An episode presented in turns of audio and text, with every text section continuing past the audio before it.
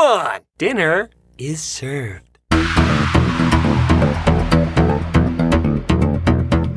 Halo dan selamat datang kembali di podcast Season of Life, podcastnya Youth GKI Cimahi, Live Wisely in Every Season of Your Life. Nah, podcast ini adalah episode yang kedua dan kita melanjutin pelajaran dari episode yang pertama kemarin. Dan seperti yang udah diulas di awal episode yang kemarin, di episode pertama bahwa podcast ini isinya adalah konten materi care group di Youth GKI Cimahi yang nama care groupnya juga adalah Season of Life. Nah, link Instagram Youth GKI Cimahi, di situ ada komisi remaja dan komisi pemuda. Teman-teman bisa lihat di show notes episode ini. Nah, untuk sementara show notes akan tersedia di website pribadi gua sampai semoga nanti kesampaian Youth GKI Cimahi punya website sendiri. Uh, jadi show notes uh, itu isinya adalah rangkuman dari pelajaran-pelajaran penting, poin-poin penting, dan juga referensi yang teman-teman nanti bisa telusuri dan juga bisa pelajari sendiri.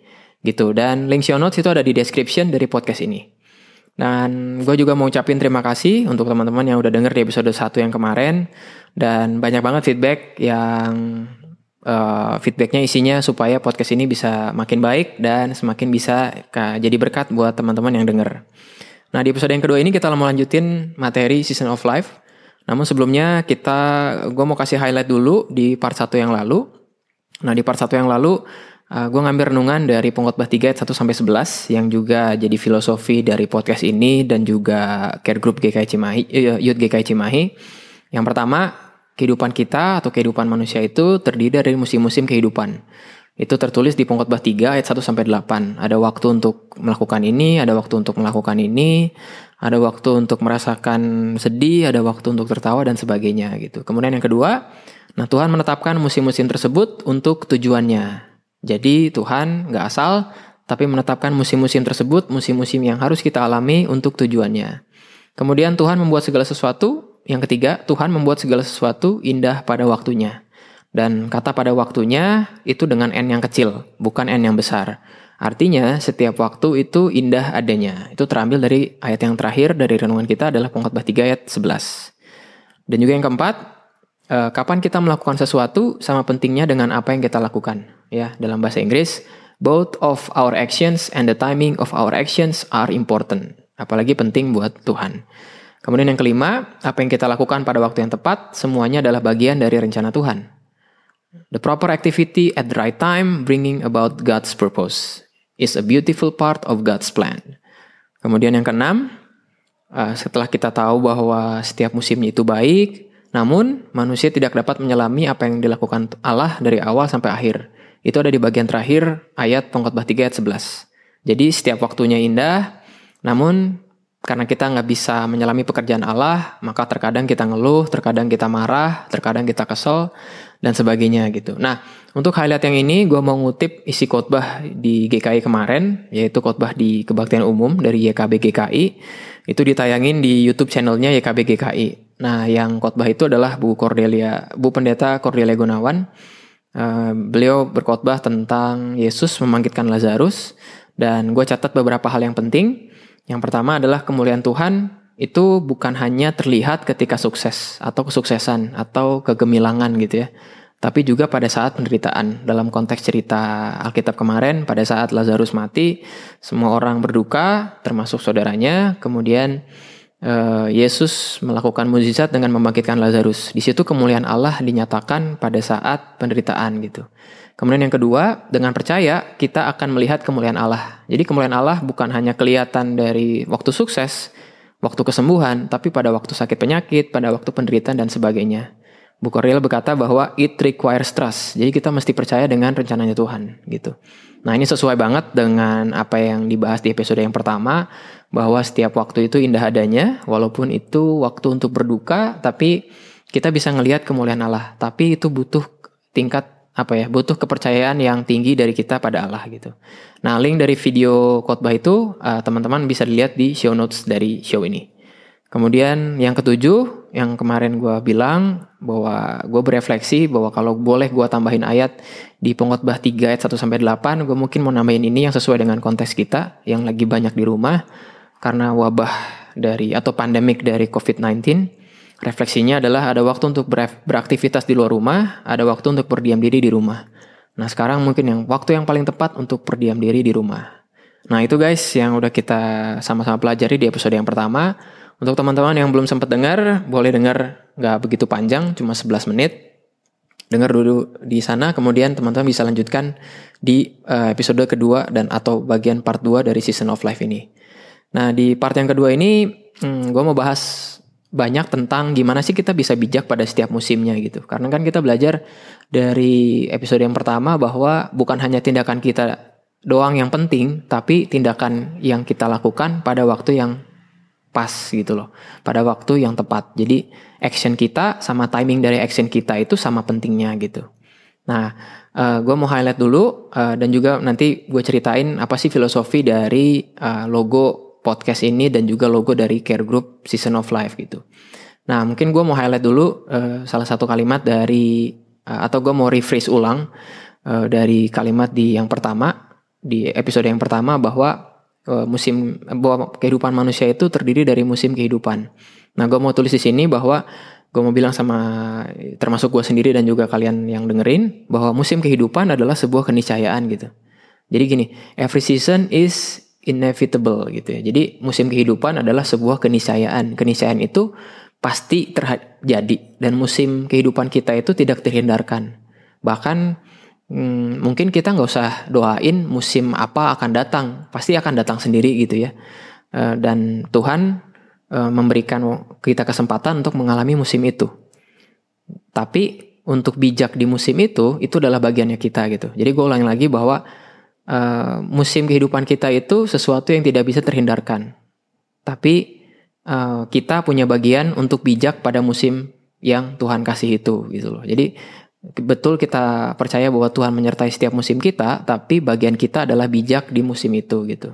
Dan kita nggak mesti doain musim akan datang, karena pasti akan datang gitu ya. Sebagai contoh sih, uh, mungkin teman-teman yang dengerin ini masih SMP atau masih SMA gitu ya, nggak perlu didoain juga kayaknya umur kita bakal nambah gitu ya. Most likely umur kita bakal nambah. Yang SMP akan jadi SMA, yang SMA uh, akan kuliah dan nanti yang kuliah mungkin akan kerja juga gitu ya sesuai dengan waktunya Tuhan tanpa kita doain mungkin kita doain mungkin kita berdoa ketika kita ulang tahun untuk panjang umur dan sebagainya tapi rasanya sih kalau Tuhan Tuhan kalau Tuhan izinkan ya kita akan mengalami fase yang selanjutnya gitu kita akan mengalami musim yang selanjutnya hanya yang akan kita bahas sekarang adalah gimana sih kita bijak pada uh, musim yang akan kita hadapi dan juga musim yang sedang kita hadapi sekarang gitu Nah, gue akan ambil analogi dari uh, negara atau benua yang punya empat musim gitu ya.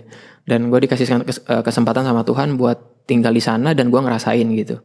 Dan musim pasti datang di negeri empat musim itu gitu ya. Kalau di Indonesia kan cuma ada kemarau sama hujan gitu. Kalau di sana tuh ada musim semi, musim panas, musim gugur, kemudian musim dingin dan itu semua akan kembali lagi ke musim semi gitu. Jadi kehidupan juga merupakan sebuah siklus gitu ya.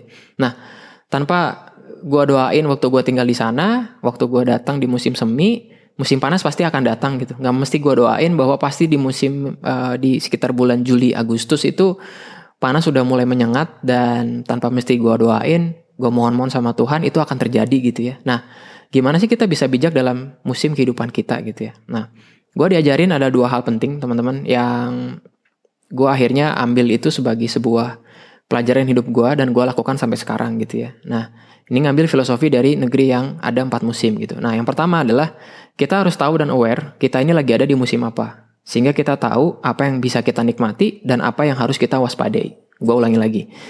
Yang pertama, kita harus tahu dan aware. Aware itu waspada. Kita ada di musim apa. Sehingga kita tahu apa yang bisa kita nikmati dan apa yang harus kita waspadai gitu ya. Contoh, waktu gue pertama kali nyampe di sana, festival yang paling banyak itu pas gue nyampe, yaitu pada saat musim semi. Ketika sakura, gue tinggal di Jepang by the way, uh, sakura ber, uh, bermekaran, kemudian uh, burung-burung merpati itu bertebaran di jalan gitu ya, kita kasih makan mereka datang gitu. Nah, ada begitu banyak festival yang harus dinikmati gitu. Nah, dan kalau gue sibuk dengan pekerjaan gue atau uh, belajar gue sebagai mahasiswa waktu di sana, maka gue akan melewatkan musim, sorry, maka gue harus melewatkan festival yang ada di musim itu gitu. Jadi gue sendiri harus aware. Dan gue ingat banget teman-teman gue yang lain bahkan punya kalender kapan uh, waktunya buat keluar dari kampus, kapan waktunya buat keluar dari rumah untuk menikmati musim itu gitu. Nah kemudian uh, yang kedua adalah gue belajar bahwa apa sih yang harus gue waspadai di musim itu gitu ya. Contohnya pada saat musim panas itu ada sesuatu yang harus diwaspadai gitu, yaitu gelombang panas atau heat wave. Nah kebetulan uh, tempat gue ada di waktu kuliah dulu itu berbukit, jadi akan ada gelombang panas yang turun dari bukit yang akhirnya akan hit atau yang akan mengenai di bagian lembah gitu ya. Jadi itu bakal panas banget. Nah di saat yang uh, ketika itu gue harus mewaspadai jam berapa gue keluar dari rumah, jam berapa gue gua keluar dari kampus karena pasti akan kerasa panas banget gitu. Nah lain halnya di musim salju gitu ya. Musim salju mungkin uh, kita yang udah pernah ngalamin kita bisa main salju, kita bisa bikin boneka salju, tapi ada hal yang harus diwaspadai. Ketika kalau salju itu kita udah diinjekin terlalu lama, maka akan jadi kaca, seperti kaca gitu. Kemudian kalau kita lewat itu bisa jatuh. Dan teman gue sempat kayak karena buru-buru, kemudian dia kepleset, kemudian giginya kayak patah setengah gitu. Ya itu cukup mengerikan. Artinya setiap musim gue diajarin, lu mesti aware uh, apa yang harus waspadai, kemudian apa yang bisa lu nikmati di musim itu gitu ya. Nah di saat yang sekarang gue mau kaitkan dengan di saat yang sekarang teman-teman lagi pada di rumah ada social distance ada uh, sekarang as we speak ini lagi ada mau ada wacana lockdown di Jakarta uh, kita ini lagi ada di musim diam di rumah itu ya, karena si COVID-19 ini. Nah, kita mesti tahu nih satu apa yang bisa dinikmati dan apa yang bisa diwaspadai gitu ya. Contohnya, apa sih yang bisa dinikmati? Ya mungkin waktu bersama keluarga, bersih-bersih rumah dan sebagainya gitu. Kemarin gue nyapa salah satu teman gue, uh, gue nanya lu ngapain aja? Ya dia bilang gue sampai gabut dan sampai gue bersihin kamar sampai yang akhirnya gue nggak pernah ngepel jadi ngepel gitu. Nah rasanya momen-momen itu harus dinikmati gitu ya. E, artinya dalam setiap momen kehidupan, dalam kaitan yang sekarang lagi banyak di rumah, carilah momen-momen yang sebetulnya bisa kita nikmati gitu. Nah, sementara yang kedua adalah ada yang harus diwaspadai. Apa sih yang diwaspadai? Ya tentu saja ada cuci tangan, e, bersih-bersih dan sebagainya supaya virus nggak nempel. Kemudian ada banyak hoax yang sebetulnya ada akan akan akan masuk di WhatsApp kita, akan masuk di Line, kita dengar berita dan sebagainya yang nggak jelas sebetulnya gitu ya. Nah, tentang hoax ini juga gue mengutip khotbah dari pendeta Cordelia bahwa dia bilang gini bahwa di masa sulit ini kita harus menebarkan harapan dan bukan kepanikan. Itu uh, salah satu konten dari khotbahnya. Jadi gue sekali lagi bilang bahwa di masa sulit ini kita harus menebarkan harapan dan juga bu dan bukan kepanikan gitu. Jadi menebarkan harapan dan bukan kepanikan. Jadi sesimpel kita mesti tahu berita apa yang kita share sehingga kita bisa menebarkan harapan dan bukan kepanikan. Nah, gue juga mengutip baru tadi pagi gue dengar khotbah dari JPCC, Pastor Jose Carol, di poin yang pertama dia bilang gini bahwa choose what to look at. Jadi memilih apa yang kita lihat. Karena dia bilang mata adalah pelita hati. Kemudian dia e, ngambil ayat dari Matius 6 ayat 22 sampai 23 yang bunyinya demikian, mata adalah pelita tubuh. Jika matamu baik, teranglah seluruh tubuhmu. Jika matamu jahat, gelaplah seluruh tubuhmu. Jadi jika terang yang ada padamu gelap, betapa gelapnya kegelapan itu. Jadi apa yang kita lihat juga termasuk apa yang kita dengar itu harus kita waspadai ya sehingga kita harusnya menebarkan harapan dan juga bukan kepanikan. Jadi guys, aware apa yang kita baca, aware apa yang kita share sama orang lain, share harapan dan bukan kepanikan ya. Itu poin yang pertama. Jadi gue ulangi lagi, poin yang pertama, kita harus tahu dan aware kita ada di musim apa, sehingga kita tahu apa yang bisa kita nikmati dan apa yang harus kita waspadai. Oke, sekarang poin yang kedua. Yang kedua, kita uh, eh, gue diajarin gini bahwa kita harus mempersiapkan diri untuk musim yang akan datang dengan melakukan persiapan di musim ini. Gue ulangi lagi. Kita harus mempersiapkan diri untuk musim yang akan datang dengan melakukan persiapan di musim ini. Ya contohnya, ini gue mau cerita dikit bahwa waktu di musim panas itu kalau kita jalan di mall-mall semua baju musim panas tuh harganya uh, tinggi. Jadi mahal-mahal lah. Ya. Lalu ada juga toko yang aneh sendiri ya menurut gue waktu itu aneh sendiri karena dia ngejual pakaian musim dingin. Dan harganya sangat murah ada yang 50% diskon ada yang 75% nah waktu gue ngeliat di situ gue bilang ini kok aneh toko ini kok ngapain sih harus jual pakaian dingin di musim panas? Gitu. Ya oke okay lah harganya wajar tapi kayaknya nggak akan dipakai sekarang gitu. Karena waktu itu gue mikirnya pendek tapi temen gue ada yang beli Kemudian dia bilang bahwa ini harganya murah nih dan gue bisa pakai ini nanti di musim dingin gitu ya. Nah karena gue nggak ngerti tentang gimana nyiapin, gue belum ngerti waktu itu dan gue diajarin akhirnya bahwa e, sekarang lu harus mesti tahu lu ada di musim apa Dan lu mesti tahu di musim yang akan datang tuh apa yang akan lu apa yang akan terjadi dalam kehidupan lu sehingga lu bisa mempersiapkan diri gitu ya. Nah, jadi itu pelajaran pelajaran penting banget yang gue dapetin waktu gue sekolah dulu. Jadi beli pakaian musim dingin di musim panas. Sebaliknya juga nih, waktu di musim dingin semua pakaian musim panas akan ada bargain yang gede-gedean. Artinya ketika gue beli pakaian musim panas di musim dingin harganya pasti murah dan gue akan pakai itu nanti. Enggak sekarang, tapi kita akan butuhnya nanti gitu ya. Nah, eh, gue terus gue cari-cari ayat di Alkitab yang kira-kira pas, eh ternyata gue nemu nih. Ini ada di Amsal 30 ayat 24 sampai 25 ya. Uh, atau gue baca semua di ayat 28 ya. Bunyinya demikian. Amsal 30 ayat 24 sampai 28 ada empat binatang yang terkecil di bumi tetapi yang sangat cekatan. Semut, bangsa yang tidak kuat tetapi yang menyediakan makanannya di musim panas. Pelanduk bangsa yang lemah tetapi yang membuat rumahnya di bukit batu belalang yang tidak mempunyai raja namun semuanya berbaris dengan teratur, cicak yang dapat kau tangkap dengan tangan tetapi yang juga ada di istana-istana raja.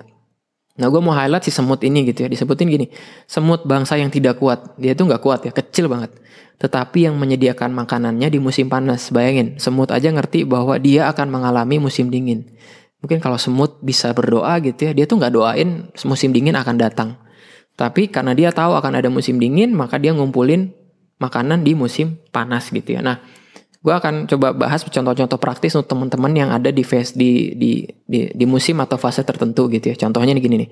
Nah, untuk teman-teman yang lagi duduk di SMP gitu ya, uh, nanti kan di SMA akan milih IPA dan IPS. Waktu teman-teman masuk di kelas 7 dan kelas 8, jangan tunggu waktu kelas 9 kemudian memutuskan gitu ya. Mulai mikir dari sekarang, mulai cari referensi, gue mau masuk IPA atau IPS dari sejak kelas 7 dan kelas 8. Kemudian pilihan itu dimantapkan, didoain, pas kelas 9 nggak terlalu bingung ya, udah mulai mengerucut ke satu pilihan gitu loh. Kemudian untuk teman-teman yang lagi duduk di kelas SM, di SMA kelas 10 dan kelas 11, maka nggak harus tunggu waktu sampai kelas 12 terus milih repot kemudian wah waktunya udah makin dekat gue mau kuliah di mana nih ya? Tapi sejak kelas 10 dan kelas 11 di musim kelas 10 dan kelas 11 ini udah mulai cari-cari lihat jurusan lihat program studi yang kira-kira pas gitu ya. Kemudian um, pertemanan juga beda gitu ya. Contohnya kayak pertemanan di kuliah itu beda dengan pola pertemanan di SMA gitu. Jadi kalau ketika teman-teman yang lagi SMA nih ya, jangan kaget bahwa nanti tuh di kuliah teman-temannya akan berbeda cara bertemannya gitu. Cara bersahabatnya berbeda dengan waktu teman-teman di SMA. Dan kalau kita nggak belajar, kita nggak nyiapin diri sejak SMA, maka nanti akan terkaget-kaget. Kemudian kita protes, kenapa kok sekarang sok sepertinya individualis, nggak pernah bareng-bareng lagi dan sebagainya gitu. Kemudian teman-teman yang lagi ada di kuliah tingkat 3 juga gue sarankan ya karena gue dosen uh, teman-teman udah harus mulai milih topik skripsi dan dosen pembimbing. Jadi karena tahu sekarang lagi di mas di di tingkat 3 badan tingkat 4 pun kalau teman-teman lancar kuliahnya, teman-teman pasti akan mengalami yang namanya skripsi gitu ya atau tugas akhir. Maka nggak ada salahnya bahkan gue saranin buat milih dari sejak tingkat 3 gitu. Kemudian Uh, ada lagi mungkin teman-teman yang udah mau lulus gitu ya, yang udah tinggal tunggu sidang atau tinggal tunggu nilai, uh, udah mulai taruh profilnya di LinkedIn ya. Benar nggak sih gue ngomongnya tuh LinkedIn ya, LinkedIn.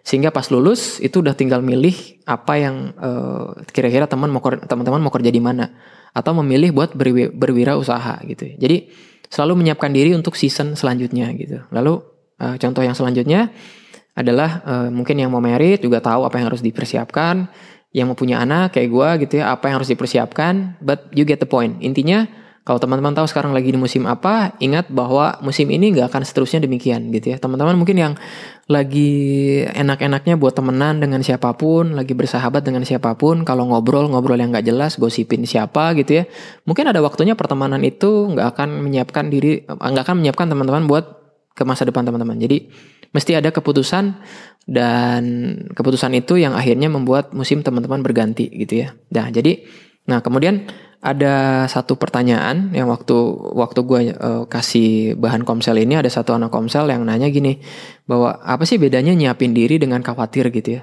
Nah, pertanyaannya adalah kadang benar gak sih bahwa kadang itu kita dianggap khawatir berlebihan uh, padahal kita tuh lagi nyiapin buat fase yang selanjutnya gitu. Nah, di sini gue uh, waktu nyiapin ini gue merenung dan gue sampai pada satu quotes yang quotesnya begini, kutipan begini. Jadi merasa khawatir berbeda dengan melakukan persiapan. Gue ulangi lagi ya. Merasa khawatir itu berbeda dengan melakukan persiapan. Jadi feeling worried is different from preparing. feeling worried is different from uh, preparing. Jadi waktu kita nyiapin buat yang selanjutnya, bukan berarti karena kita nyiapin, maksudnya gini, bukan berarti karena gue khawatir berlebihan kemudian gue jadi overreacted dan sebagainya. Mesti ada kadarnya gitu ya. Dan gue mengutip dari salah satu khotbah di Bukit di Matius 6 ayat 27 Uh, dikatakan, siapakah di antara kamu yang karena kekhawatirannya dapat menambahkan sah-sah saja pada jalan hidupnya gitu. Jadi khawatir aja sebenarnya nggak akan nambah apa pun. Kalau kita nggak nyiapin diri, yang ada malah khawatir gitu ya. Jadi mesti dibedakan antara kita merasa khawatir dan juga untuk nyiapin gitu ya. Nah, itu adalah dua poin yang uh, eh, gue mau ceritakan atau gue mau sampaikan di podcast episode yang kedua ini. Jadi yang pertama, uh, eh, gue ulangi lagi, kita harus tahu dan aware kita ada di musim apa, sehingga kita tahu apa yang bisa kita nikmati dan apa yang harus kita waspadai. Yang kedua, kita mempersiapkan diri untuk musim yang akan datang dengan melakukan persiapan di musim ini. Dan ada satu kutipan di untuk poin yang kedua ini bahwa merasa khawatir berbeda dengan melakukan persiapan.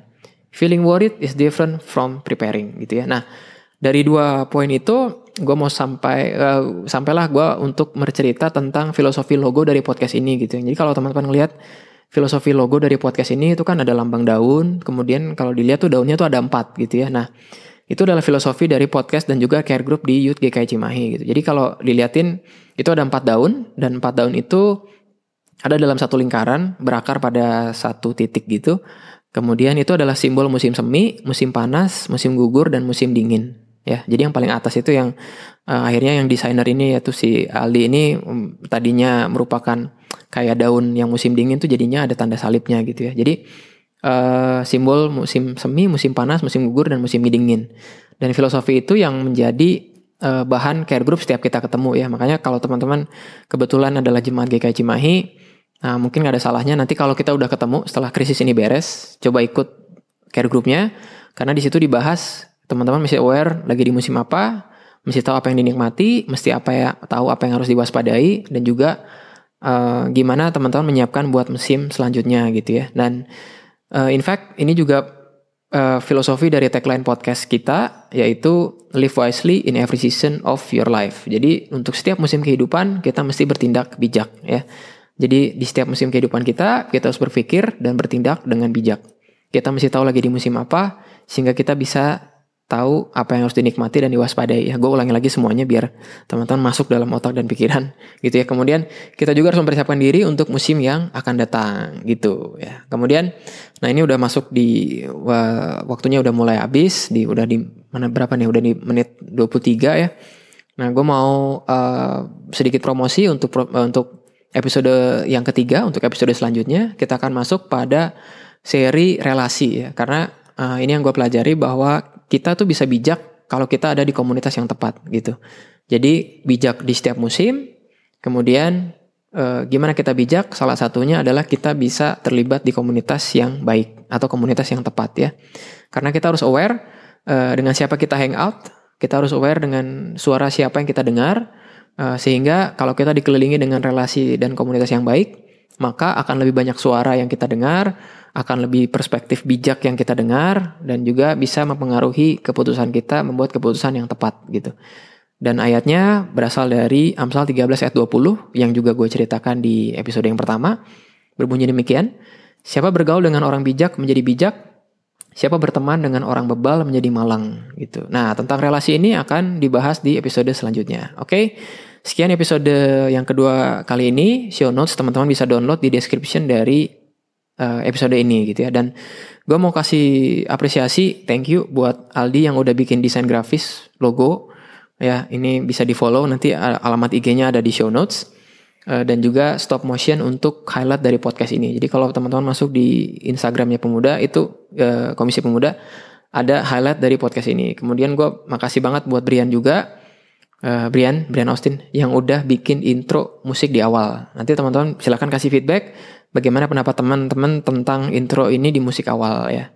Lalu gue mau kasih special thank you buat Anthony Chandra ini di dari GKI Agape yang waktu dia buat podcast yaitu dia pemain boneka gitu ya dan bikin gue punya keberanian untuk coba uh, bikin podcast dan juga karena gue ngerasa bahwa ini konten yang baik dan supaya banyak lebih banyak orang yang bisa dengar gitu ya. Dan teman-teman bisa bisa follow di podcastnya Anthony Chandra yaitu di Spotify ya namanya Sukri dan Hai Hai. Jadi ada dua boneka, satu namanya Sukri, yang kedua namanya Hai Hai. Sukri itu ternyata gue baru tahu, Sukri itu singkatan dari sukacita karena Kristus dan Hai Hai, hati, akal dan iman gitu. Lalu special thank you juga buat uh, Bina Warga, terus khusus Pendeta Hendra yang udah ngundang di webinar di Bina Warga. Jadi gue diundang untuk cerita tentang uh, storytelling ke anak sekolah minggu ya. Sehingga pada saat gue berbagi di webinar itu, gue bisa ngerasain, oh ternyata kalau kita semua bisa bikin konten yang bagus di online, maka orang-orang bisa denger dan bisa jadi berkat juga gitu. Oke, okay, gitu guys. Uh, jangan segan buat kasih feedback supaya podcast ini makin baik uh, dan bisa jadi makin bisa jadi berkat buat kita semua dan semua yang dengar gitu. I'll see you guys later and God bless.